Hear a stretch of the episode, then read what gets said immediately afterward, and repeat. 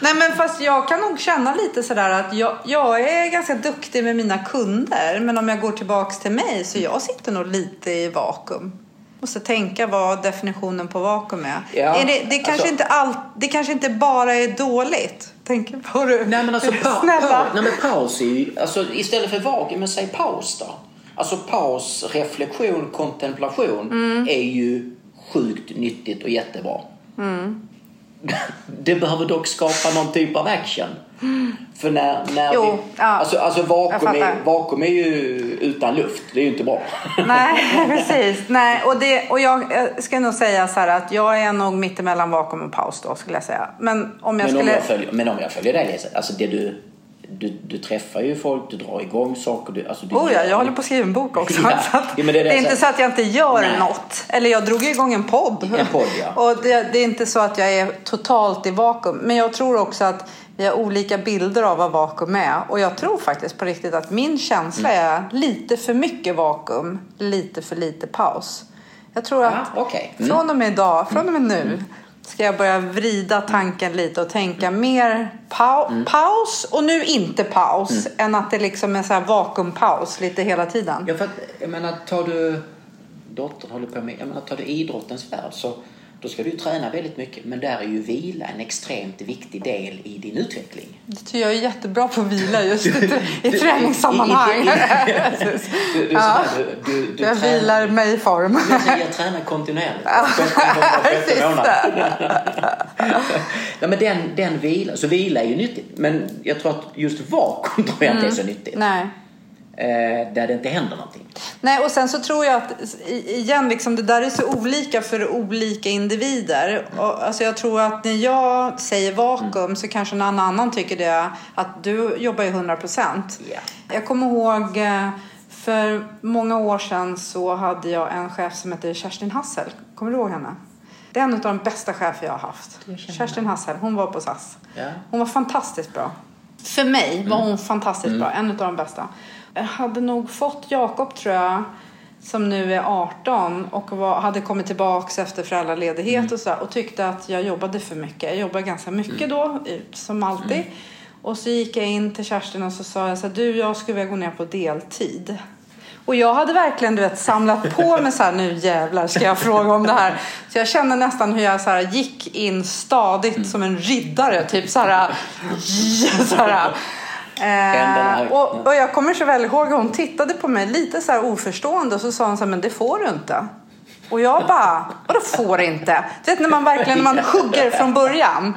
Man, man har liksom, man bara Du har laddat upp. så sjukt laddad var jag. Det får jag visst det liksom. Jag har faktiskt ett barn som är under 12 tror jag att det var på SAS. Ja, sa men först får du gå ner till heltid. Sa hon. Och när du har gjort det, då, kan, då är du välkommen tillbaks. Då kan vi prata om deltid. Och det är en sån här, jag, jag kommer ihåg det så väl, för jag jobbade inte heltid. För hon sa så här, det kommer bli så att du, att du får deltidslön men jobbar heltid. Jobbar heltid. Så hon sa, börja med att gå ner till heltid. Sen kan vi prata igen. Bra. Sjukt bra, Bra. chef, eller hur? Mycket bra. Mycket bra. Kerstin Hassel. Ja, eh, henne, då? jag vet, jag, hon var ju på Eurobonus i många år. Så Ja. Mm. hon kanske är kvar på Eurobonus kan jag tänka. På Fantastiskt bra. Mm. Eller hur? Det är faktiskt... Men eh, det, det är ju, alltså därför, vi lurar ju så väldigt mycket. Jag menar, det är, det är bara att titta när, jag menar, när vi fick våra barn liksom hemma och frugan sa, men jag går ner. Ja, men se till att du går ner. Mm. Ifrån där du är. För du gör, så den här prestigelösheten gjorde att hon gjorde ju väldigt mycket. Mm. Skulle hon gå ner men fortsätta vara prestigelös, ja, det enda du går ner är i lön. Du jobbar ju lika mycket. Precis. Det som jag kan tycka så här när man går ner på deltid, det är ju en, någonstans här att på fredagen, eller det behöver inte vara just fredag, men när man går hem klockan tre så bara, hej då, nu går jag. Jag har ju aldrig gått hem klockan tre utan att ha ont, lite ont i magen för att oj, nu gick jag hem tidigt. Trots att jag har varit på jobbet klockan sex på morgonen vet, och jobbar hemma på kvällarna och ändå skapar jättemycket resultat och sådär. Så var det på något sätt en måttstock för mig. Vet inte, vad tror du? Är det någon sån här... För, Min, alltså, jag min uppväxt. Mamma och pappa får skylla på dem. men jobbar de så mycket då? Pappa jobbade ju alltid. Ja, för jag kan ibland själv också tycka så här. Det finns ju, och det blir nästan en jargong. Vi försöker väl vara duktiga på att men går man tidigt så blir det... Jag måste, ha- jag måste också ha en förklaring. Jag kan inte bara säga hej då, utan det är därför att. Och den, den, ska, vara, den ska vara jäkligt bra. Och det är därför jag undrar liksom, var, var kommer den ifrån? Nej, och jag vet inte om den kommer... Den kan ju komma utifrån. Det kan ju vara någon kultur, liksom. Att man känner att man måste... Är det hemmakultur eller företagskultur? Det kan nog vara både och tror jag. Och jag tror att det här var ju under perioden jag jobbade på försäljningsavdelningen på SAS. Och då fanns det ju olika... eh, Det fanns ju olika roller där. Vissa var utesäljare och då kanske man till och med, du vet... Jag kommer ihåg när Mamma Mia hade, eh, gick här i Stockholm. Så jag tror att jag såg den typ så här tio gånger. Jag kommer ihåg att sista gången jag såg den eh, så ville jag ju verkligen inte se den en gång till för jag hade sett den så många gånger. Så då skickade jag in alla, vi hade ju biljetter liksom, skickade in alla så här och sen satt jag ute och jobbade och när de kom ut i pausen bara åh ja visst var det bra, ja sa jag så här. Jag avslöjade, jag sa aldrig att jag hade varit inne för man får inte ljuga liksom. Så de trodde nog att jag var med men det var jag inte. Så hade, hade det hänt något exceptionellt på scen då hade jag helt missat det. Men, Såg du han eh, som ramlade? Ja, precis. Han bara, man ska själv säga så. Såg du han som ramlade? Det gäller att vara först. Nej, men jag tror att det kan vara... Eh, alltså, då, då, när man jobbar på försäljningsavdelningen då, då jobbar man ju mycket. Man gjorde resor med kunder och då jobbar du ju hela tiden. Sen kanske det är för andra som inte fick den möjligheten så tyckte man så här, "Åh, gud ska du gå på Mamma Mia? Fast jag gick ju inte på Mamma Mia egentligen med de jag ville eller när jag ville utan det var ju ett jobb även om det var, fanns jättemycket som var roligt med det jobbet. Men då blev det lite typ så här att eftersom de jobbar 8 till 5 så skulle man liksom, jag vet inte, lite så men jag tror jättemycket i mig. Oj oj oj vad mycket. Men, men inte det där också... Vi jobbade med ett, med ett stort eh, bilföretag. Det var ju ofta då så, titta nu ska säljarna, nu ska de till eh, Eller nu ska de dit. Va? Det är en ny lansering och nu ska man titta på den nya bilen. Det gör de då kanske tre, fyra, fem gånger om året åker på de här. Men samtidigt, vill du ha det jobbet då? Nej. Men, Alltså, vissa jobb innehåller ju... Efter klockan fem, om du ska gå på Mamma Mia, inte hade du valt de just 20 personer du gick med då. Utan då har du valt andra. Och den kan jag ibland tycka är lite synd, för det blir ju ofta då de som får, eller som fick ska vi väl säga kanske, representera företaget. Jag tycker man fick mycket skit för det också.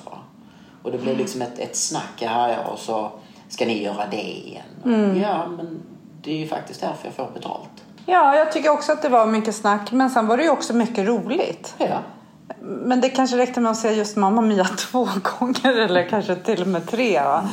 Så att det var ju ändå ett jobb. Jag kommer ihåg att SAS, det här, för det här var ju under mina år på SAS, SAS hade en loge i Globen. Eh, och då var det ju också så här, du vet om det var någon riktigt bra hockeymatch då var det lite svårt att få, det fanns bara 16 platser i den här logen. Jag var ju där hela tiden. Och jag vet att det var någon som sa till mig så här, ja men du som gillar hockey, jag gillar inte hockey. Jag gillar inte alls hockey, men jag lärde mig ju hockey. Så att jag kunde ju prata med mina kunder som gillade hockey om hockey.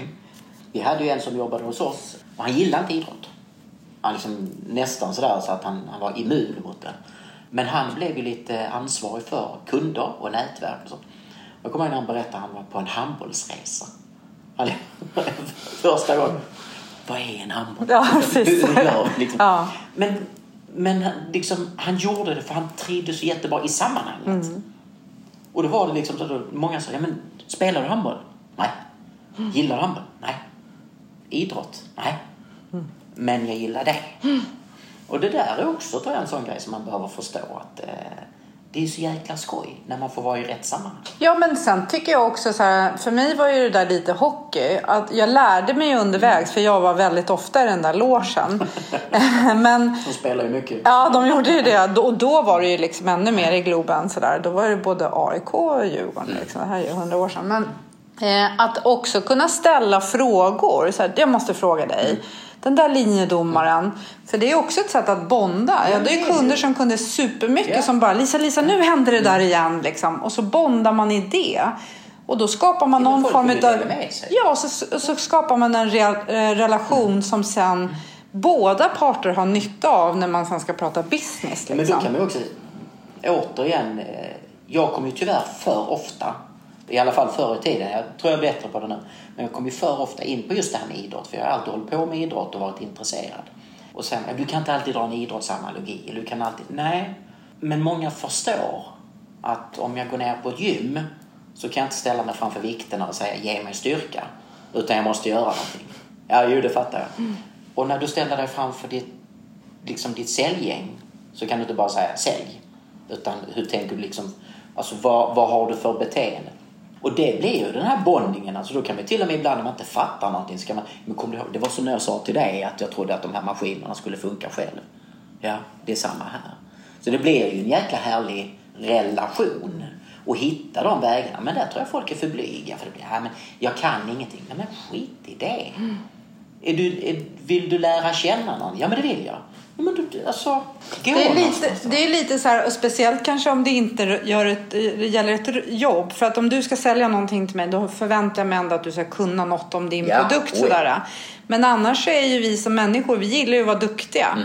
Så om du skulle ställa en fråga till mig om någonting mm. som du inte kan, om det nu är handboll mm. eller hockey eller vad vet jag vad det är för någonting. Blommor. Ja. Mm. Blommor är inget bra. Jag är jättedålig på blommor. Du vet nu, nu står det ju här på bordet en ja. fantastisk bukett med solrosor som jag har fått av min producent faktiskt. Han är, ja, ja. Den, den, är så vacker. Jag älskar verkligen den där. Men annars är alla växter här inne döda. Ingen växt här inne lever. Aha. Ja, de här orkidéerna. Ja. Men du ser att de är nästan döda. Så, så, den där fina blomman i orkidén, den är inte riktig. Anna, okay. Nej, så att just blommor kan du inte... Men annars så tänker jag så här att när man ställer en fråga till någon, alltså om jag frågar dig någonting, då får ju du vara duktig i att lära mig yeah. och du känner ju också att du är duktig för du kan. Mm. Och det är inte något som är... Alltså det är ingen som känner så här, det vill inte jag vara. Nej, nej och folk vill ju kunna. Mm. Och det är därför som om man då vågar vara den som ställer frågorna. Mm. Du snälla kan du berätta om det här? Mm. Jag menar i ditt fall så är det klart att om någon då vill berätta om hockey för att han eller hon gillar det. Ja men då, du får ju inte stopp på folk emellanåt. Mm. Och just den delen tror jag att det, det saknas lite det här nyfikenhet. För man tror att det handlar om jag är inget bra exempel med tanke på min, min frisyr, men jag brukar säga varför går man till vissa frisörer? Måste ju säga, för nu är ingen som, det är bara jag som ser dig. Ja, ja, men jag är skallig. Ja. och då blir det ju, varför går du? Ja men de klipper så bra. Bullshit. Du går ju för att du, liksom, du trivs i den salongen med den personen. För annars så skulle du kunna rada upp tio stycken och säga att du kan välja vilken du vill. De här är bättre än din till mig. Det här är jätteintressant med frisörer. Ja men tandläkare väl samma ja. sak. Men, men en, kanske ännu mer frisörer. Jag vet inte och det kanske bara är jag. Så här, jag har ju gått till samma i typ 20 år. Mm. Och tycker jag att det är trevligt att gå dit, tycker jag är jättetrevligt mm. att gå dit. Men jag skulle också kunna tänka mig att gå någonstans och vara tyst. Mm. Och nu tror jag i och för sig att när man har gått till samma frisör i 20 år så skulle jag skulle kunna gå dit och säga Idag. kan vi bara vara tysta? Mm. mm. Så skulle inte de tycka att det var hela världen liksom. Eller det skulle de absolut gå med på. Men det är på något sätt så vet jag vad jag får. Mm. Jag vet, jag, jag litar på dem mm. liksom. Så att jag sätter mig där. Skulle jag lita på en person som inte... Alltså jag opererade i foten här för ett mm. tag sedan. Var det så att jag hade gått till den läkaren 20 gånger? Nej, lita på honom. Mm. mm, mm. Gjorde jag. Vart det bra? Mm, mm. Efter ett tag vart det ganska bra. Så att jag vet inte vad det är som gör just med hår. Att man inte... Ja, eller vänder på nästa. Säg, vad har det att göra? Alltså, vad är det som gör att vi har tillit till någon då? Vad bottnar det ja, men För mig så handlar det så mycket om, alltså det är olika områden. Mm. Förstår du? Tandläkare är ju också en sån. Där, och, men, och då har jag tillit till den tandläkaren. Mm. Men jag har ju också tillit till de andra tandläkarna på, hos den tandläkaren. Mm. Så att om han eller hon som du har inte kan utan säger han var sjuk idag men jag tar det. Det är till och med att det har varit så. Vet att när jag var hos den tandläkaren första gången och det är inte jättelänge sedan. Jag gick ju till tandläkaren i Thailand. Mm. Men sen tyckte jag att det var lite besvärligt. Det är lite långt. Ja, det är lite långt. Men det var också en bra anledning att få åka dit. Mm. Men i alla fall, då bestämde jag mig för att jag ska hitta en tandläkare i Stockholm. Och så fick jag tips från någon. Och så ringde jag och de bara, jag är jätteledsen men det, vi har fullt liksom. Vi tar inte in nya patienter. Och så typ, jag inte ska säga att jag tjatar mig in, men så här, snälla då. Så här, och så fick jag en tid. Och när jag satt i väntrummet, jag gillar inte att gå till tandläkaren. Nej. Jag vet inte, jag är inte helt bekväm hos tandläkaren. Jag tycker inte det är jättekul att gå dit. Och sen kanske inte någon tycker att det är jättekul. Men jag, Jättekul är det väl inte? Nej, inte... men jag går ju också. Jag är också sån duktig liksom, person som jag gör saker som ska göras. Men kanske inte jättebekväm. Men när jag satt i väntrummet hos den här tandläkaren så hörde jag en röst. Som jag bara, det där är ju Helena. Och då var det en, en gammal kollega från SAS som kom ut. Så vi stod och pratade ett tag. Och sen gick jag in och så la jag mig i den här tandläkarstolen och gapade. Och då kan man ju inte svara. De pratar ju också med en och man kan, man kan inte svara. Och då så sa hon så här, nej men känner du Helena? Ja men så jag, vi är eh, gamla kollegor från SAS sa jag. Och sen gapade jag och så sa hon så här, ah, jag måste berätta för dig. Jag har varit och lyssnat på en föreläsare som jobbar på SAS och hon var helt fantastisk. Och sen berätt, du vet, och, du, och du vet, jag låg där och tänkte så här, hon, nu driver hon med mig. Nu är det liksom typ dolda kameran här. Så efter mycket om och fick jag bara, men gud ja. Det är min tandläkare. Och sen när jag är där. Jo, men det måste jag också säga. Första gången jag var där så sa jag ju till henne att jag är inte så förtjust i att gå till tandläkaren. Så att jag tror att de med röda bokstäver har skrivit tandläkarskräck. Eller så säger man inte. Jag har jobbat med tandläkare för man har inte skräck för tandläkaren. Nej. Utan det är för behandlingen. Behandling. Ja. Tandvårdsskräck säger man. Man säger inte tandläkarskräck. Det har de sagt till mig. Så att nu är det ju lite så här när jag sitter, och så rädd är ju inte jag. Men när jag sitter i väntrummet nu så kommer de ju ut och sätter sig typ på stolen bredvid och lägger armen om mig och säger det kommer gå bra. Säger de och, och nickar så här och jag bara mm, det kommer nog, det, kommer, precis, det kommer att gå bra liksom. Kom nu så här, kom nu. Och så bara känns det bra? Känns det bra? Frågar de. Och nu har det gått så många år.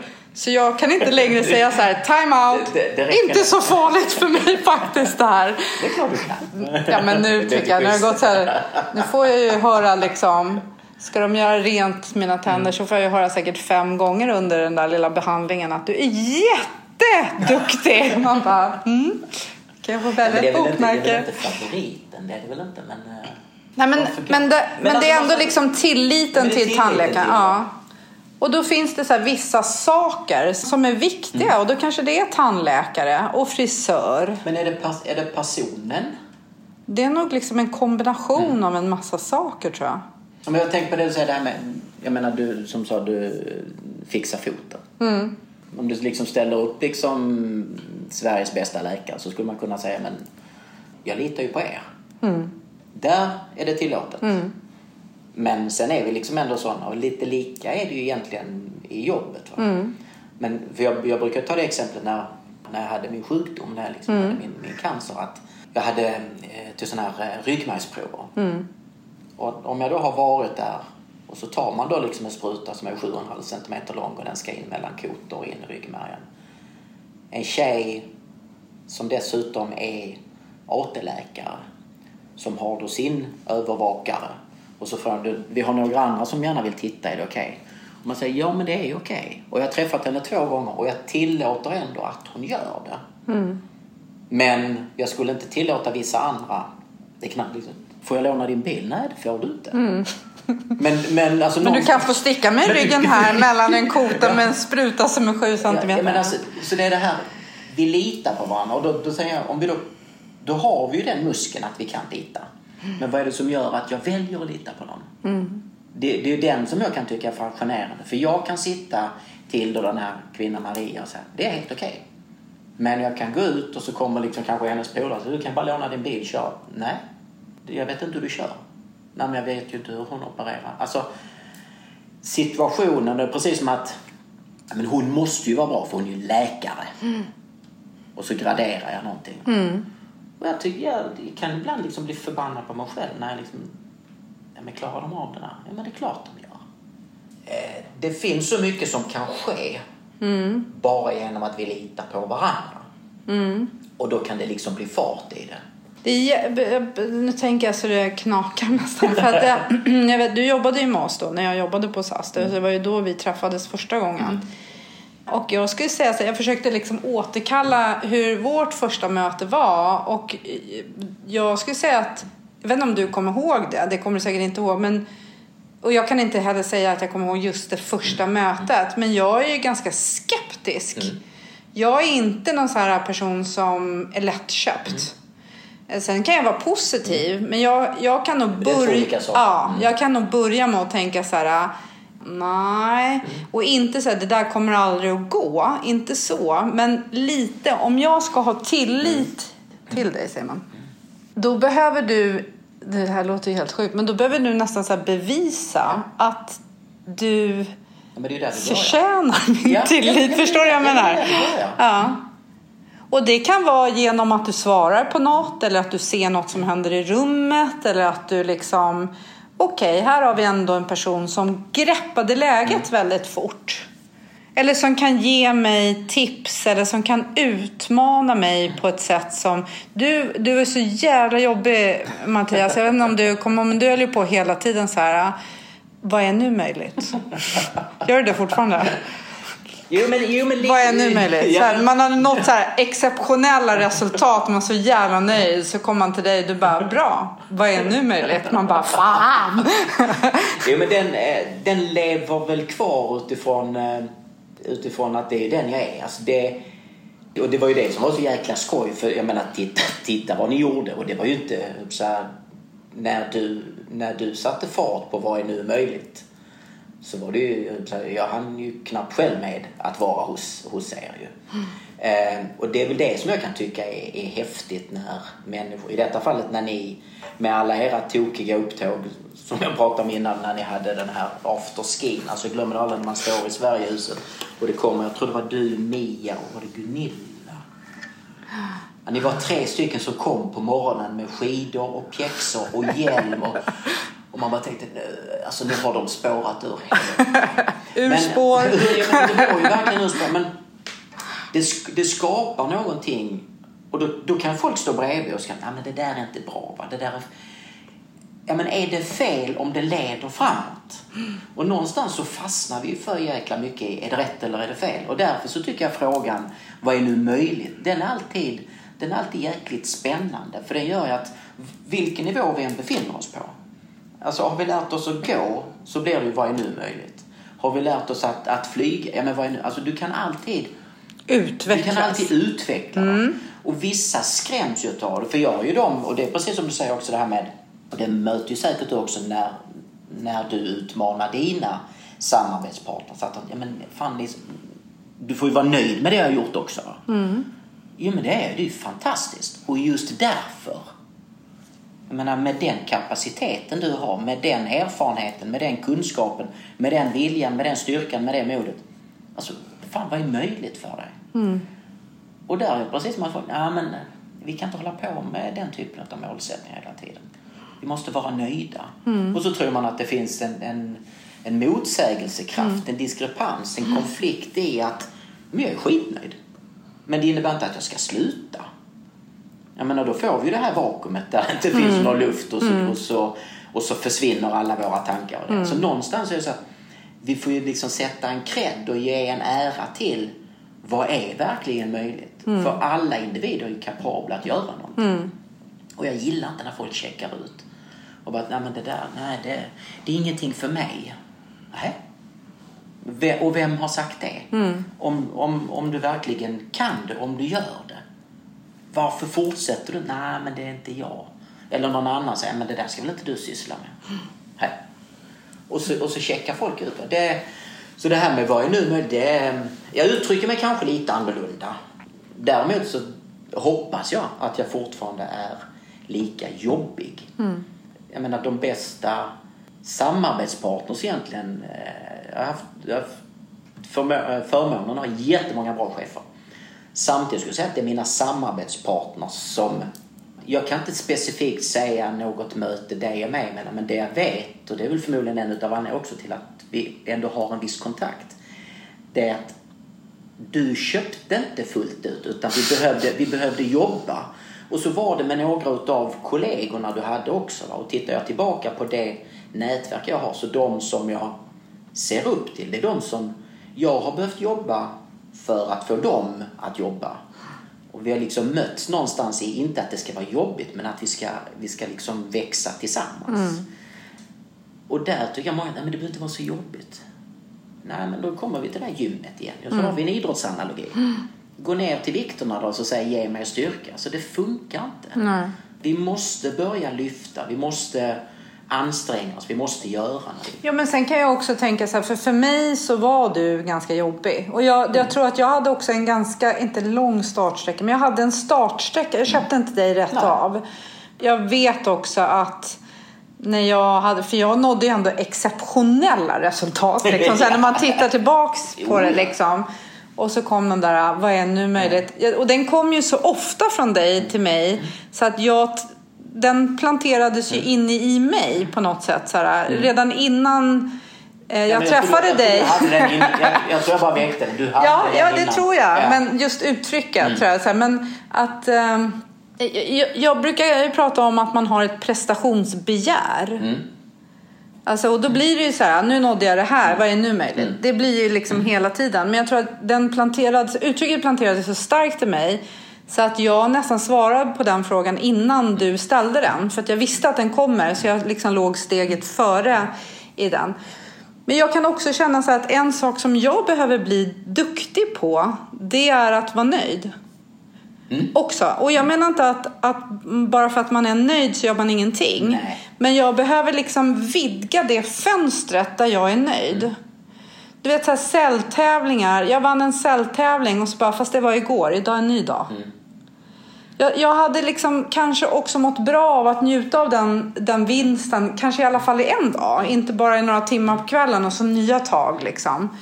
På något sätt så här, äh, att vara nöjd och sen, okej, så nästa steg, vad är nu möjligt? Förstår du hur jag jag- menar? och jag- Mm. och, och där kommer den här konflikten som jag tror att många så många egentligen också jobbar och säger till mig. Men Mattias, jag kan inte bara sträva efter någonting. Jag måste få njuta också. Och så att, ja, låt oss göra både och. Mm. För vi ska njuta och det är, personligen så har jag väl blivit bättre på det. Eh, Men jag har också haft det här att jag liksom, nej men nu kör vi vidare, kör vi Mm. vidare. Och stanna upp och njuta. Men det innebär inte att jag slutar utvecklas. Utan det, det går hand i hand. Men många tycker, men okej, vill du jag ska jobba med vad som är möjligt eller ska jag njuta? Och då säger jag, ja, det vill jag. Jag Båda. tycker du ska göra både och. Va? Och där, där tror jag det gäller att hitta, hur gör du när du njuter? Jag menar vissa, vissa säger, hur gör du när du kopplar av? En människa lägger sig ut på terrassen, tar en kopp kaffe, kanske läser en bok eller bara liksom blundar med ena ögat. Nu njuter jag, nu kopplar jag av. Och vissa går och ställer sig på någon trampmaskin eller löpband och springer i två timmar. Och det är liksom kanske två ytterligheter. Men det där är väl inte koppla av? Men för vissa är det ju det. Och då menar då kan vi inte bara säga att vi ska njuta. Utan då skulle jag vilja, okej, vad gör du när du njuter då? Och där kan du börja hitta, för att om du bara säger, men jag är för dålig på att njuta. Ja, eller så är det kanske att du gör det, men du ger dig inte cred för att du gör det. Utan det blir med, aj, jag ger mig dåligt, eh, vad heter det? Samvete. Dåligt samvete va. Nu gör jag ingenting. Ja, Gud vad bra. Det, nu gör du precis det du har sagt du ska göra. Och då kommer vi in på det här, vad förväntar vi oss av oss själva? Va? Att komma tillbaka till och säga liksom, ja, men, vad är det vi ska göra då? Och så säger man, ja men det här är mitt mål, eller det här är det vi ska göra. Ja. Men är du beredd att ändra ditt beteende då? Nej, det vet jag inte. Och det är det att vi kan prata om att vi ska njuta, men då behöver vi kanske ha ett beteende som gör att vi njuter. Är det att ligga, eller är det inte att ligga, ligga, utan det att ligga på soffan? det tror jag faktiskt att det är precis kan- exakt det det är. Det kan, kan också vara. Jag kände redan från början att det är mer ligga som är det för mig än att, än att springa två timmar. Alltså, så det är beteendet vi måste hitta. Mm. Det är det. Utan det. Men jag tänker också så här att vi är så olika som individer. Nu fastnar vi i den här frågan, men vad är nu möjligt? Den tror jag är jätterelevant för jättemånga. Oh, ja. Men kanske inte lika relevant för mig Mm. eller för dig. För vi har det i oss. Förstår du? Så Ja, jag vi tror talar att... om ditt, ditt prestationsbegär Ja, så håller jag med. Däremot så tror jag att det kanske då sådana som du och jag behöver titta på det är att grunna på frågan vad är möjligt. Jag tror att vi kanske jobbar mer med det automatiska i att ja, men nu gör jag något. Och kanske, okej, det här är möjligt. Men är det det som egentligen är, kalla det extraordinärt? Eller gör jag bara det som är möjligt utifrån att det är nästa steg? Är du med mig? Jag att det förstår finns precis. en annan dimension. Jag förstår precis. Och så Eh, så Jag hade nog liksom båda de betydelserna i din fråga. Så att om vi hade gjort liksom tio, du sa vad är nu möjligt, så kan man ju tänka sig, ja ah, men nu vill vi tolv. Men det kan också vara att vi ska jobba på ett helt annat sätt och då kan vi göra 24. Ja. Så att för mig så... Men förstår du, så vissa personer med det här prestationsbegäret så kanske jag behöver någon som liksom drar lite i mig och säger stopp. Nu bara. Det här fönstret där du ska njuta. Vi bara gör det lite större. Och sen kan jag tänka under tiden jag njuter. Ja. Det är inte liksom att det bara det är det ena eller det andra utan det är båda och. Men att också få, få klappa sig på axeln och inte så här nöjd eller liksom fat and happy. Nej. Inte så. Men ändå så här, jag var på väg. Jag kan fortfarande känna att jag har mycket av det i mig. Jag är på väg hela tiden. Så att jag är dålig på så här, fan det där var en jävligt bra föreläsning Lisa. Du fick stående ovationer. Shit i helvete vad bra. Vet du, jag kommer ihåg en gång jag föreläste för eh, ett av apoteksbolagen och då var Rickard Olsson, du vet TV-Rickard, ja. han var moderator. Och när jag var färdig så fick jag stående ovationer. Och du vet jag bara, nej men gud sätt er ner, vad håller ni på med? Sitt ner, sitt! Så här, och han kom fram, han, för han stod på scen bredvid mig, så la han handen om mig, så viskade han till mig så här, tar du in det här? Nej, så det gör jag inte. Nej men då gör du det nu, sa han. Och det tänker jag på för att det är inte, det är inte helt ovanligt att man får stående ovationer. Nej men att jag verkligen så här, shit liksom. Här sitter det tusen personer som tycker att jag är skitbra. Men jag är inte så bra på det för att jag är, det är inte att jag inte gör en jätte, ett jättebra gig där liksom. Men det blir lite så här, jag vet inte. Är det ditt jobb? Ja, fast jag tänker att även om det är ens jobb så måste man ju kunna klappa sig på axeln. Det är det lite jag är ute efter. Så här, jag är nog hela tiden i så här, ja det här var ju jättebra. Men vad är nu möjligt?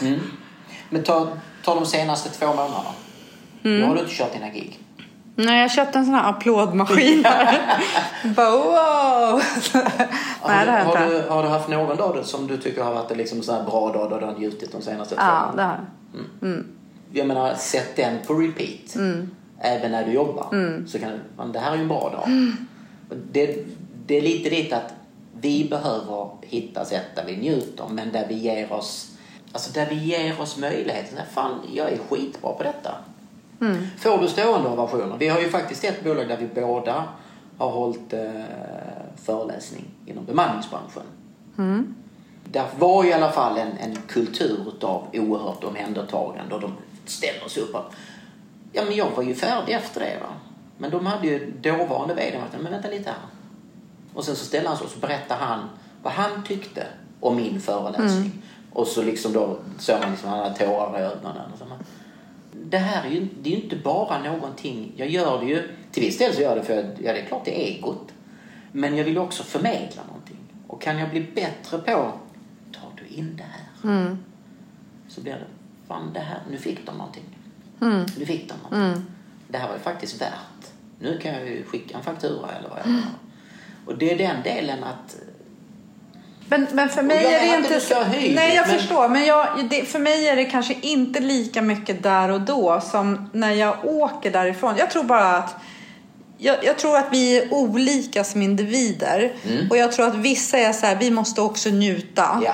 Och så vill de bara njuta. Bara och jag njuta. menar inte det. Och jag tänker så här att ja, om, om de människorna vill bara njuta, då kanske de ska göra det. Men de kanske ska tidsätta det. Så här, ja, men nu njuter vi bara i två dagar.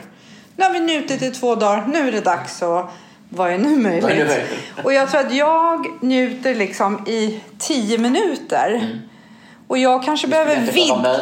Jag behöver vidga min tid lite. Jag är bara nöjd. En väldigt, väldigt För att jag har så höga förväntningar på mig själv. Så att, att du vet att en vd är lite tårögd. Jag har ju liksom stories som jag berättar där det sitter folk i publiken och gråter. Och det är inte meningen. Det är inte så att jag bara, nu ska jag berätta. Jag, förstår du? Utan det är... Jag kan tycka liksom att jag, att jag ska vara så bra. Förstår du? Att jag har Ja, de det- förväntningar men- på mig själv. Och då men blir det liksom... det. Ja men såklart. Men då behöver jag också vara, klappa mig själv på Ja. axeln och säga bra, det där var väldigt bra Lisa. Och, och hur tänker du se till att det sker? nu kommer det. Äh, kommer jag se till att det sker? Ja, men jag, eh, jag har ju faktiskt ändrat en grej. Under, för nu har jag föreläst i ganska många år. I början så var jag väldigt mycket så här att det, att det skulle kännas bra för mig och att jag tyckte så att när jag var nöjd, mm. då var det bra. Mm. Och sen kunde jag ganska snabbt se att jag var inte nöjd så himla ofta. Men publiken var nöjda. Och min, de som hade köpt mig, i flygbranschen pratar mm. vi om buyer och mm. flyer. Mm. För att det är sällan den som sitter i flygstolen mm. som är buyer. Det, alltså det är två olika. Och det är likadant i min bransch. Jag har ju någon som köper in min föreläsning och sen har jag en publik som lyssnar. Och så jag har två olika liksom. Och då tänker jag att om de, mina två kunder, mm. buyer och flyer, är nöjda. Då behöver jag vara nöjd. Sen kan jag alltid, den kommer alltid. Vad är ah. nu möjligt? Eller vad var det som gjorde att jag inte sa sådär? Mm. Eller där fick jag inget skratt, jag borde twist. Så att jag hela mm. tiden liksom eh, utvecklas man. Och hur säkerställer du det då? Kommer du ihåg när vi var på den här konferensanläggningen när vi skulle sätta mål och du bara hur mäter du? Hur vet du att du har uppnått det där? Hur vet du? Du vet, man bara Håll okay. käften annars stryper jag dig liksom.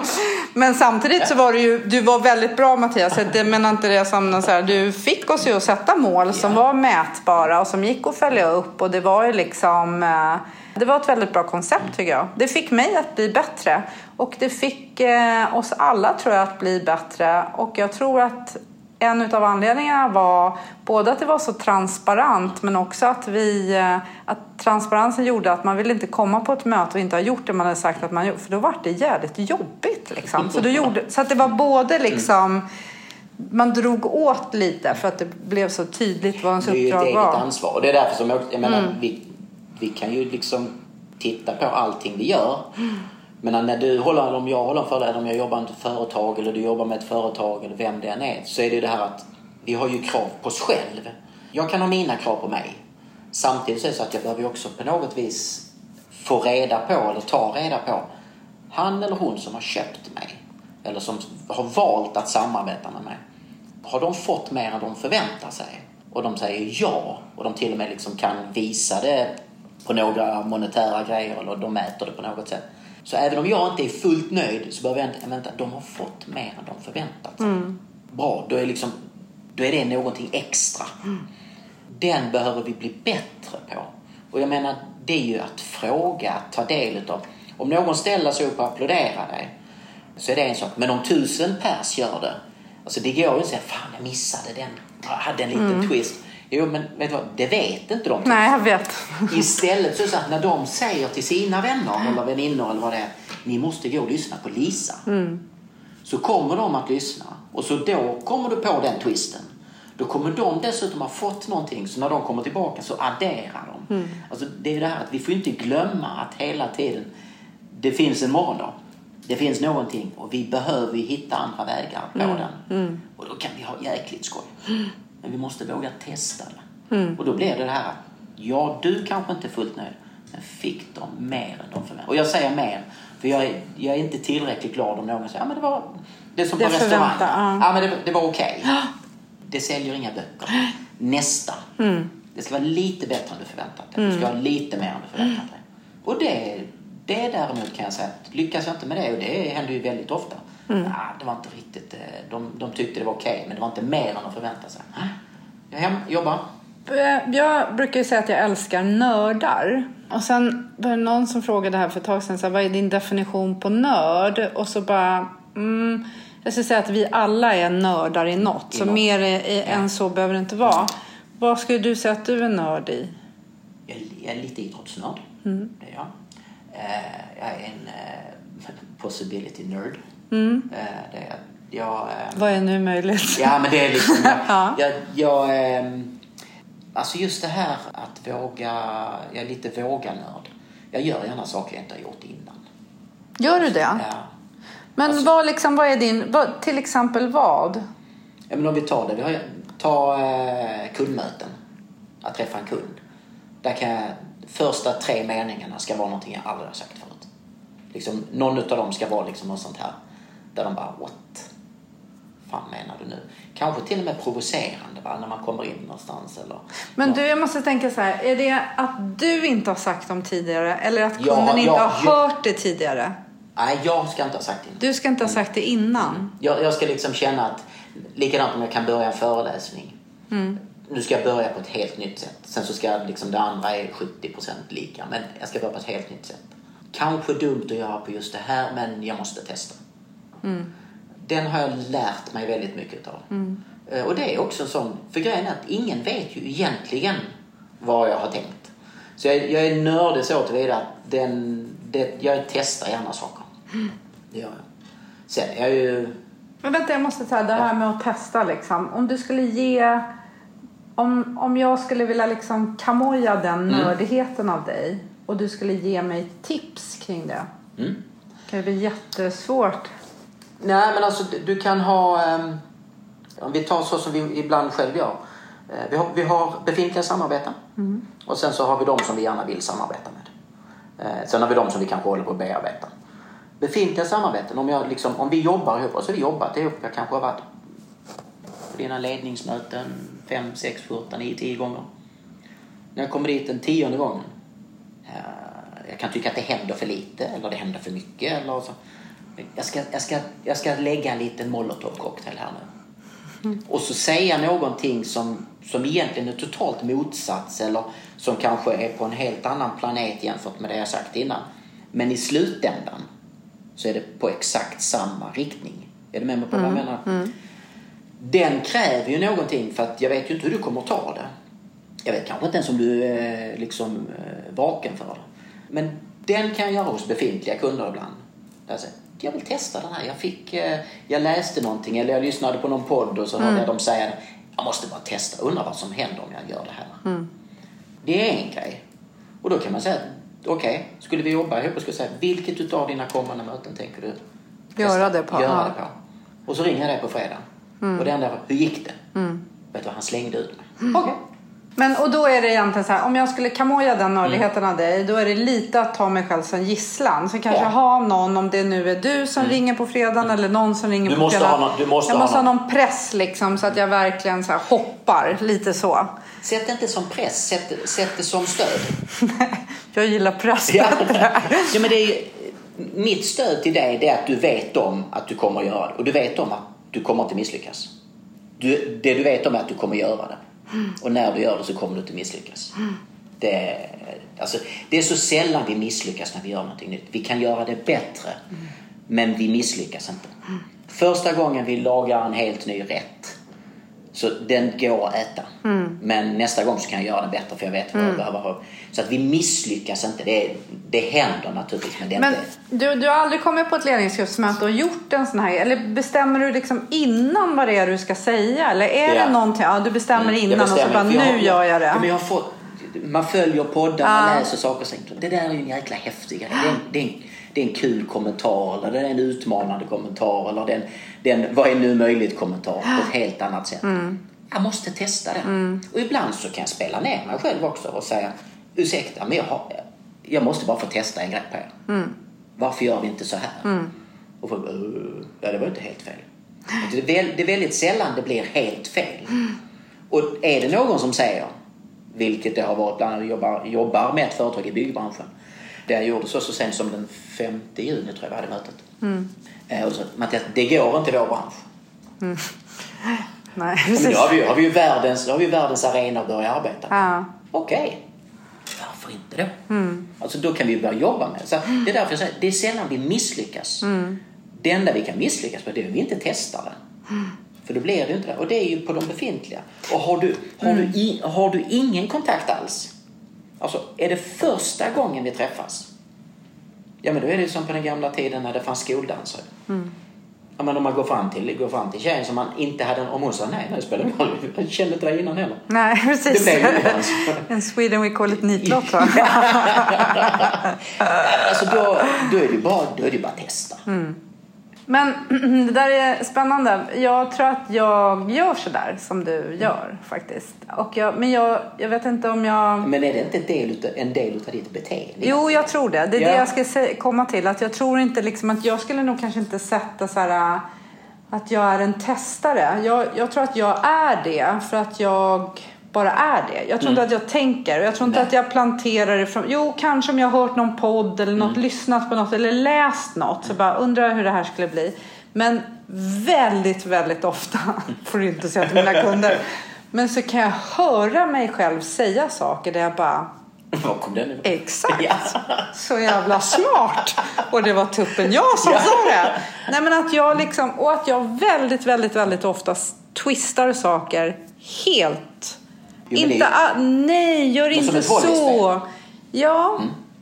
Men att det liksom de här sakerna som jag lyssnar på eller läser. Så här, jag kanske inte så här sitter och skriver ner att Åh, den här övningen ska jag Nej. prova. Men den bara poppar den upp liksom. Så bara, hörni, nu tar alla papper och penna. Nu ska vi göra en övning här. Och jag tror att jag tror att tilliten är så viktigt för att liksom koppla tillbaka till den. Så har man tillit, jag måste bygga tilliten innan, annars tar de ingen papper och penna.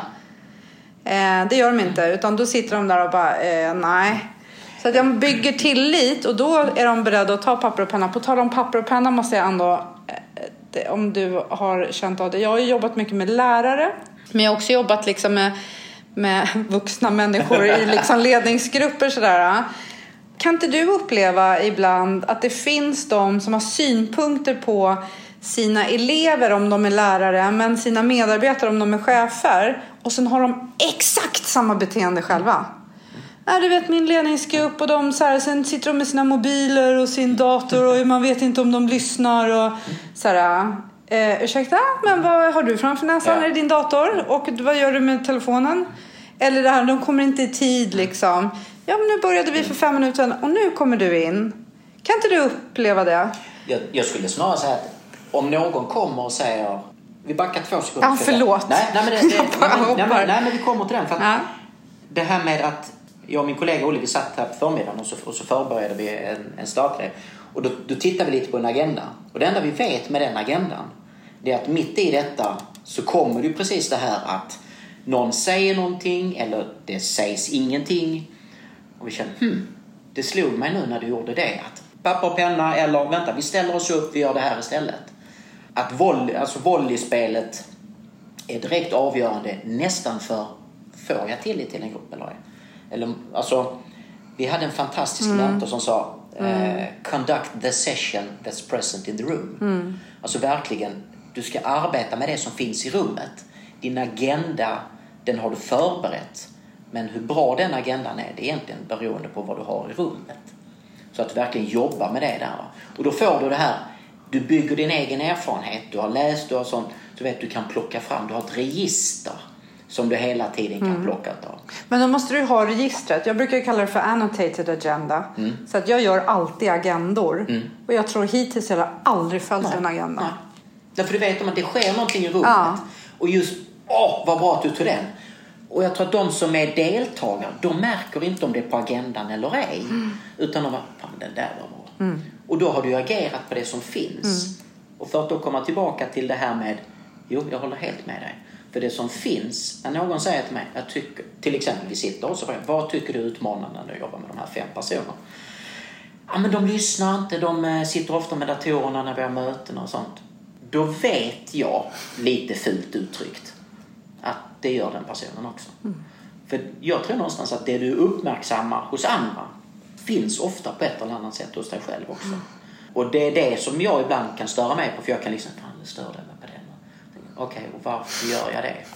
Jag är ju fan likadan. Mm. Sen samtidigt så kan det vara ett bra sätt i vad vill jag arbeta med när det gäller mig själv. Jo men det är att om det stör mig hos någon annan, okej, jag behöver vara medveten om det själv så att jag på ett eller annat sätt inte uppfattas. Så att jag tror det är en av de största utmaningarna som finns. Sen så tror jag det här med mobiler och datorer idag. Jag tror, jag tror det är livsfarligt i de möten som finns. Jag tror det har tagit över. För det gör att vi lyssnar inte liksom på varandra. Vi lyssnar inte för varandra. Utan det blir, ja men jag, tar anteckningar. Och, och, jag, säger, ja, och jag, jag, har, jag har full respekt för det.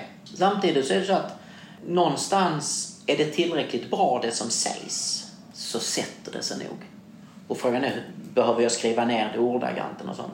Så att det, fin, det finns ju någonting. De Ja. som säger att det här är jobbigt, då- säger jag bra, jag tror du gör det själv också. Jag, jag tror att jag är en sån som skriver. När jag lyssnar så skriver jag. Jag har en, en kompis som till och med när vi ses, du vet, liksom käka middag. Och sen så, hon brukar skoja och säga att jag har anteckningsbok. Men det är mitt sätt att lyssna, liksom, att skriva anteckningar. Men jag har suttit på många möten där jag har skickat mejl om helt andra saker men kanske gett uttryck eller sken. Mm. För att man vill ju också inte vara respektlös. Så att, och jag måste ändå säga att jag har ganska bra förmåga att lyssna på ett mm. samtal och ändå skriva mm. någonting annat. Det låter fel och man ska säkert inte göra så. Men jag tycker så här, många möten som jag driver. Jag vet till exempel den sista enheten som jag var på på SAS. Mm. Så i början var det jättemånga som kom och sa så ja vi har avdelningsmöte men jag har så mycket att göra så jag kommer inte. Och jag bara va? Vadå kommer inte? Och sen tänkte jag så här, jag måste göra våra avdelningsmöten obligatoriska. Mm. Och så bara, nej det är inte jag. Mm. Jag har inte obligatoriska möten. Mm. Så jag sa bara till folk så här, du får göra som du vill. Eh, det kommer komma ut en actionlista efter mm. vårt möte och den förväntas du ta del av. Mm. Så kan du göra som du mm. vill. Så tänkte jag det är min roll att göra mötena så intressanta, så jävla bra så ingen vill missa mötena. Men... Och så blev det ju. Ganska snabbt mm. blev det så också. Det hände någonting. Du vet, så. Och sen kunde det vara folk som bara, ja men du på mötet tog du upp det. Ja, mm. stopp. Mm. Alltså jag drar inte något möte Nej. igen nu. Utan mötet var då, missar du det, missar du det, det kommer ut en actionlista. Den förväntas du ta del av. Och jag menar ett viktigt verktyg när vi jobbar, det är ju bland annat hur man kör mötena. Och det jag kan tycka är synd är att många, idag så pratar, det finns ju böcker om det och många utav våra kollegor pratar om den här möteshysterin. Nu är det för mycket möten på företag och sånt. Vi gjorde en, en jag ska inte säga en, en empirisk undersökning, men vi gjorde en koll på ett bolag liksom, där de sa vi har för många möten. Det var på en avdelning. På den andra avdelningen så klagar man inte överhuvudtaget. Utan, ja, det gick på. Så sa vi, hur många möten har de då? Det vill säga att där man inte klagade hade man ju faktiskt fler möten än på den avdelning man klagade. Och då går du tillbaka till det där att de möten du klagar på att vi har för många, ja men det är för att de är för ointressanta. Mm. Det är för att det finns inget syfte med det, det finns inget mål med det, det är inte involverande. Mm. Det handlar inte om mig, det handlar inte om utan det handlar om tre stycken, vi sitter åtta. Varför du Kalle? Ja men det är bra om du är med. Mm. Jag brukar kalla dem stand-by-personer. Mm. Kan vi inte ta in Lisa? För om vi behöver prata om det här så är det bra om hennes kunskap är i rummet. Mm. Och så hinner man inte. Och så har du suttit med i en timme, två timmar, tre timmar. Mm. Medan du skulle gjort något annat. Men det kan till och med vara så att jag redan när jag får kallelsen känner så här, vad är mitt bidrag? Ja. Men, Men jag är lite... Inte. Nej, jag frågar inte för att jag är ändå lite så här, ja, det känns lite bra att ni yeah. vill att jag skulle ha med. Så jag är lite smickrad liksom och så går jag på det där. Eh, jag jobbade på ett större företag och då gav jag dem så meningar som jag körde faktiskt också på SAS när jag blev kallad på mötet. Tack så jättemycket för inbjudan, mm. för man ska ju alltid yeah. börja trevligt. Du får gärna berätta för mig vad syftet med mm. mötet är och vad jag förväntas bidra med. Mm. Och sen bara en, en trevlig avslutning. Och bara det gjorde att 60 procent utav bara, ah nej, men du kanske ändå inte behöver vara med eller och jag hade ju också möten som kanske var två timmar men där jag sa jag kan vara med den kvarten då som är aktuell för mig. Och det handlar jättemycket om time management. Men det handlar också om att man äger sin egen kalender. Mm. Att jag tar ansvar för min kalender. Jag har ingen assistent som, tar mina, som bara säger ja till allting. Utan jag hanterar mina egna bokningar. Och jag är alltid säker på vad syftet är. Och sen så är det att det är många bolag. Liksom, de går ju från möte till möte. Ja. Och eh, när jobbar de då? Och så, alltså det, de hinner ju inte förbereda någonting. Nej, de, det är kom, bara... de kommer in på ett möte tio minuter sent. Mm. För de säger det föredrog över tiden. Mm. Och så blir det okej. Okay. Och sen så blir det okej, okay, vad gör vi nu? Har ni tagit igenom, har vi fått agendan? Mm. Och så är det en halvtimmes uppdatering på varför vi har mötet. Mm. Alltså så att det fin- ja, det finns en möteshysteri. Men jag tycker att den är mer baserad i att det är kravlöst. Det är ingen ansvarighet. Det finns ingen tydlighet, det finns inget mål, det finns inget syfte. Mm. Och ansvarigheten, det är många, ja men det var ju du som kallade till mötet Lisa, vad ska vi göra? Mm. Ja, men, du är deltagare. Mm. Du är inte passiv, du är deltagare. Mm. Det innebär, för mig innebär det, är du på ett möte så deltar du på ett möte. Du ska inte sitta bredvid, ja, jag undrar varför jag är här. Ja men varför gick du dit då? Eller folk går ut genom dörren, fan vad dåligt mötet var. Okay, och när Vad så, gjorde du vad för att göra det? det bra? Ja. Jag menar svärmor hon, hon, säger ju alltid det att du ska inte gå på fest och förvänta dig att bli underhållen. Va? Och liksom, tyvärr så säger ju frugan då så att nej säg inte det till honom. Precis. Nej, men alltså, det, det är samma sak, du ska inte gå till möte och förvänta dig att nej, men nu ska någon annan serva mig. Mm. Utan det handlar vad bidrar du med? Har jag en roll i företaget så kan jag bidra med den. Därför är ju frågan som du ställer är ju väldigt bra. Vad förväntas jag bidra med? Mm. Men det tycker jag gör också i vissa organisationer där det är en mötes, eh, om du nu skulle kalla det för möteshysteri, eller, men det blir liksom någon form av osäkerhet Mm. också. Det här kan inte jag riktigt bestämma tror jag, så vi kallar till ett till ett möte. möte. Och så blir det drar bara ut på tiden och vi är inte, liksom, vi är inte beslutsmässiga. Vi Ja, men fattar vi- inte vi beslut. fattar inte vi är beslut. fega. Ja, vi vågar inte. Vi vågar inte, nej. Så Och då är det det- lättare att kalla till ett möte. Ja. Så Och sen, vi- och sen är det någon eh, vd kanske eller någon försäljningschef som tycker att alltså, vi är så himla fega, vi fattar inga beslut. Nu måste ni bli bättre på att fatta beslut och organisationen bara okej nu ska vi göra det. Och sen dyker det ändå upp någonting som eh, den här försäljningschefen säger så här, hur kunde ni göra så? Eller ja, då har man ju lite liksom Men upplever du, är det en skillnad på små, mellanstora, små och stora bolag när det gäller förmågan att fatta beslut? Så här, om jag tittar på mina kunder, generellt sett sämre på att fatta beslut i stora organisationer med en stark ledning. Så att jag skulle säga att det mer handlar liksom, och i små företag, ja om du har en VD som är väldigt styrande. Så jag skulle säga att det är samma sak om det är eh, litet, mellan eller stort. Det är liksom s- ledningen som styr. Alltså om jag är rädd för att jag ska få smäll på fingrarna när jag fattar ett beslut. Ja men då vill jag inte göra det mer än kanske en eller två gånger. Sen blir jag lite strykrädd och så blir jag lite försiktig och så kallar jag på ett litet möte. Och så tar jag, får jag ett mail och så tar jag reply all. Det ska jag säga. Det finns fan en plats i helvetet på folk som tar reply all när det är 35 personer i ett mail.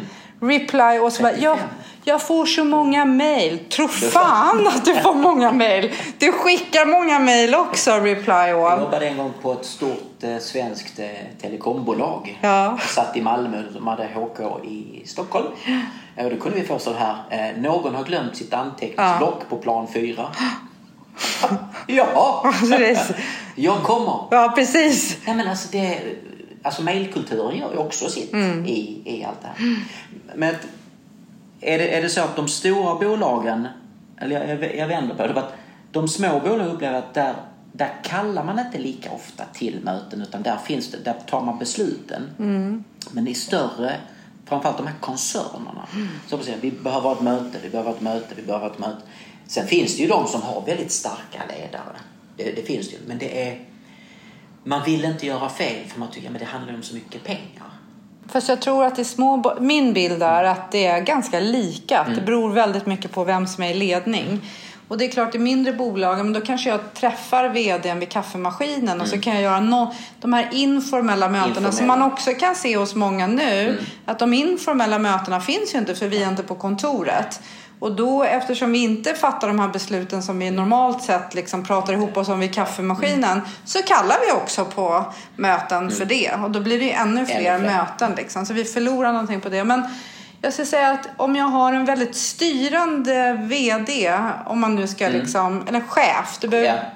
Om chefen är väldigt så här, jag ska säga om du har en operativ chef. En chefchef. Ja, en chef som kan ditt jobb. Då tenderar organisationen att inte vara lika beslutsmässig. Men om jag har en chef som faktiskt inte kan mitt jobb men som leder mer strategiskt, inte taktiskt, så är vi mer be- benägna att fatta beslut. Men, men jag kan tycka att det, det kostar mer i ett stort företag att inte vara beslutsmässig. Så jag kan uppleva att det är mer irritation i ett stort företag. Men man gör ändå ingenting åt det. Man är jätteirriterad över det och man kan vara jätteirriterad över att det skickas så himla mycket mejl. Men sen fem minuter senare så tar man ändå reply all. Och så tänker man inte, du vet så här, I hate traffic. You're a part of traffic. Du sitter själv i en bilkö. You are part of traffic. Liksom att du inte tänker på att du faktiskt är med och bidrar till det är, besluten det, det, eller det är inte. som nu, alla klagar på hur mycket folk det är på Ullared och på eh, Ja precis, hur vet de det om de inte är där? Det? precis. Men om du inte, det är, så, Mm. det är som när folk ja, men åh, mellandagsrean i jul, det är inte klokt. Det är så mycket folk, man kan inte gå och handla någonting. Ja, men det är ju därför. Mm, det är därför det är Det mycket är därför folk. det är mycket folk. För de här besluten, alltså, jag, för jag, jag tänker Eh, just utifrån de, ja, de som vi jobbar med nu. Där man sitter och så säger man vi, fatt, alltså, vi måste bli bättre på att fatta beslut. Man kan till och med sitta och enas om att trycka ut det, liksom, se till att de tar sitt ansvar. Men sen så när det är sagt och man går ut och så sitter man. Så det första man gör är att man kallar på ett nytt möte för att göra någonting. Va? Och då blir det, jaha. Vi är beredda att sätta nya mål men vi är inte beredda att ändra vårt beteende. Mm. Och det blir liksom, ja men vi har pratat om det där. Mm. Ja men ni har ju inte gjort någonting åt det. Nej, vet du, det här är en sak så här. Jag gick någon coachningsutbildning där jag som vart lite så här för mig bara, aha. För att jag innan det här är jättemånga år sedan, men då coachade jag lite så här, vad ska göras, vad ska göras? Och, och så kunde du sitta då och säga så här, ah, nu fattar jag, nu kör vi. Ah, nu, vad bra, nu fattar Mattias, nu kör vi. Och sen gjorde du ingenting. Eh, och kanske till och med att jag kallade in dig då. Vi hade ett uppföljningsmöte och så var, varför har inte någonting hänt? Men att själva grejen som vi ofta missar. Det är att säga så här, när ska du börja? Hur ska du börja? Vad är det första du ska göra? För någonstans om jag som din chef sitter här så kommer du säga ja till mig. För att jag, du- jag är din chef. Liksom. Och du fattar att shit, nu är jag lite ute på hal is här. Vad ska jag göra för att Lisa ska vara nöjd? Men jag säger, jaha, men nu fattar jag. Nu kör vi. Fast egentligen fattar du inte. Eller du fattar men du vill inte. Men det skulle Så- jag inte erkänna ju. Nej, såklart Nej. inte. Utan lite blir ju det här att jag är ett lejon som ska äta upp dig och du gör allt du kan för att inte bli uppäten. Och då vet du sedan tidigare att säga bara, aha, ja men vi kör så kommer inte jag äta upp dig. Och, och så blir det liksom någon form av dans som så, vi så dansar. när nästa vecka tänker du testa någonting nytt? Exakt. Så när jag ringer dig på fredag Exakt. så har du... Precis, exakt Mm. så. När tänker du göra? Vad tror du kommer vara jobbigast? Mm. Hur skulle jag kunna hjälpa och stötta dig så att det skulle kunna vara mindre jobbigt? Det är ju en grej som, jag menar om du tittar på alla, vi tar det här med möten.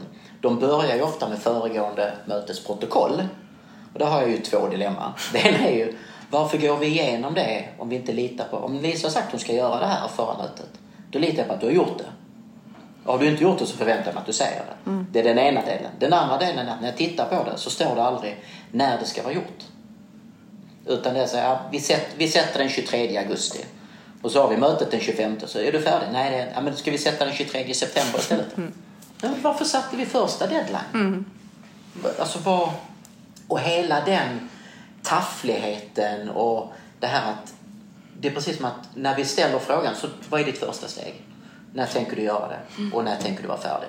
Då är det precis som, fan vad du är jobbig. Vad, Vadå, litar du inte på mig? Det är klart jag Det är ju därför jag frågar. Ja, precis. Jag frågar för att jag litar på det. Hade jag inte litat på det, men då hade jag ju liksom... Detaljstyrt det. Detaljstyrt? Men jag måste tänka på, för jag hade ju bara actionlistor. Och sen sorterade jag dem så att det var liksom, och vi gick nog igenom föregående mötes actionlista. Eller typ Actionlista. så här, det är den 25 augusti, det här skulle vara klart den 23. Ja, för ni hade klardatum. Vi hade klardatum, ja. Klart. Eh, vi hade klardatum. Och då var det mer så här, ja men det här är klart och det fick de här konsekvenserna. Eller det här är klart och det, det här och det här har hänt. Liksom. Men däremot så gick vi ju aldrig igenom de punkterna i actionlistan som låg efter. Utan de bara, då kunde vi nog gruppera det och säga så här, är det någonting i det som ligger kvar på listan här nu som vi behöver ha någon diskussion om så har vi det. Jag, kan, jag ska ju väl vara försiktig. Jag kan inte säga att alla gör det, men jag kan uppleva så här att när man ligger efter. Om det finns en överenskommelse att det ska vara färdigt den 23 augusti och man inte har gjort det. Då blir det mer, så när kan det vara klart då? Och så kan man hålla på så där hur länge som helst. Någonstans behöver vi backa, ba- backa bandet och säga varför sa vi den 23 augusti första gången? Alltså vad var tanken med det? För att företagskulturen blir ju också lite så här att nej, åh, nu är det möte, så här, vi- oj, jag hade en punkt här. Ja. Ja, ja, men jag kan säga att den ska vara klar den 23 september istället. Det är okej. ja. Okej. Och så blir kulturen att egentligen bara för att Lisa sagt att något ska vara gjort så betyder inte det att det Nej. behöver vara gjort. Utan jag kan alltid säga så här, nej men du vet det ringde så mycket. Så att Eller jag hann fick ju ett inte. annat uppdrag. ju. Ja, Och då, jag menar, då kan vi, då kan vi liksom, då kan vi ju skita i det. Jag menar, skulle man ta när ni, jag vet, jag sa ju en grej till eh, er ledningsgrupp där när ni jobbade på SAS, som jag fortfarande får höra ibland. att, ehm, för ni, under den perioden så gick ni ut med sånt, ja, Europas punktligaste flygbolag. Så sa jag, det är ni inte alls. Och då vet jag att det var det han som höll i det här punktlighetsprogrammet också. Han sa, det är vi visst. Nej men det är ni inte. Så sa han, okej, hur tänker du då? Jag sa, när skulle detta mötet börjat? Ja, klockan nio. Och vad är klockan nu? Ja, den är 10 över 9 och ni har inte börjat än. Mm. Nej, men alltså punktligheten är ju, är ju liksom våra flygplan. Nej, det står flygbolag. Och antingen så är ni det som ett bolag Mm. eller så är ni det på en viss punkt och då behöver ni berätta det. Mm.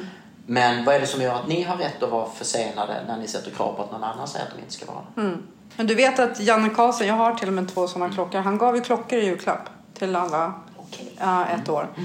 Men det står SAS i dem och så är det en SAS flygmaskin som eh, sekundvisare som åker runt liksom. Och det är klart, det var ju en jättecool klocka som alla verkligen, verkligen ville ha. Men det fanns ju också en undermening i att det gäller att vara punktlig som flygbolag. Och att börja på tid. Men vet du att jag kan också tycka att det är otroligt viktigt att avsluta möten på Avsluta tid. på tid. För det är lika respektlöst när man, så här, man börjar på tid och sen bara helt plötsligt så är inte sluttiden... Nej men jag bryr mig, alltså i, emellanåt så är jag ju sån om jag flyger och de säger, lyfter de på tid? Ja det vet jag inte. Men jag bryr mig om om de, om de landar på tid. Men det mäter ju inte flygbolag, det vet Nej. jag. Det vet du varför? Nej. För de kan inte påverka när du landar. På grund av De kan- trafik och... Nej, vindar och sådana saker. Det är utanför flygbolagets Mm. kontroll. Ibland går det fortare, ibland går det långsammare. Men däremot så kan de påverka när de avgår. När de avgår. Mm. Så det är lika för alla flygbolag. För det, är- det är ändå så att jag vill ju veta att jag kommer fram i tid. För om jag ska, om jag ska komma till dig Fattar. klockan 12 så är det ju det som är det viktiga för mig, inte när vi lyfter. Men i gengäld så har jag också ett eget krav. Det är att jag bokar kanske med en viss spännvidd så Mm. att jag har råd att missa någonting eller någonting kan bli sent. För många bokar ju ofta precis Mm. och så skyller de på någon. Ja, men om det var så pass viktigt varför gjorde du inte ett steg extra innan Mm. då? I den? Fast grejen är ju att du gör det när det är viktigt. Skulle jag säga. När det är riktigt, riktigt viktigt. Mm. Jag menar typ så här, vad var det jag sa det till häromdagen? Så, Om du ska träffa kungen. Mm. Sen kan man ju tycka vad man vill om Ja, kungen. men du, men tar, liksom, du, tar, du tar ju inte... då tar du liksom, då är du Mm. inte just in time. Jag tänker att vi avslutar där. På tal om att hålla tid. Eller hur? Fast vi sa ingen riktig tid, gjorde vi det? Men är det Nej. något så här mer som du sitter och tänker så här, det vill jag bara säga innan vi... Nej, jag, Nej. jag tycker det här, alltså deadlines är för mig... Eh, det fanns, fanns, det finns en undersökning, jag, jag tror det är Harvard som kommer den. Mm. Där man mätte upp det här med att hålla deadlines i organisationer. Mm. Och i organisationer där man håller deadlines så skapar man resultat som är 25-50% bättre. Och det är liksom, Mm. därför tycker jag att deadlines är, för det, det är respekt som vi var inne på. Mm. Vi gör en överenskommelse. Eh, Det har med tillit att göra, det har med framtid att göra, det har med utveckling att göra. Så därför så deadlines är det viktiga.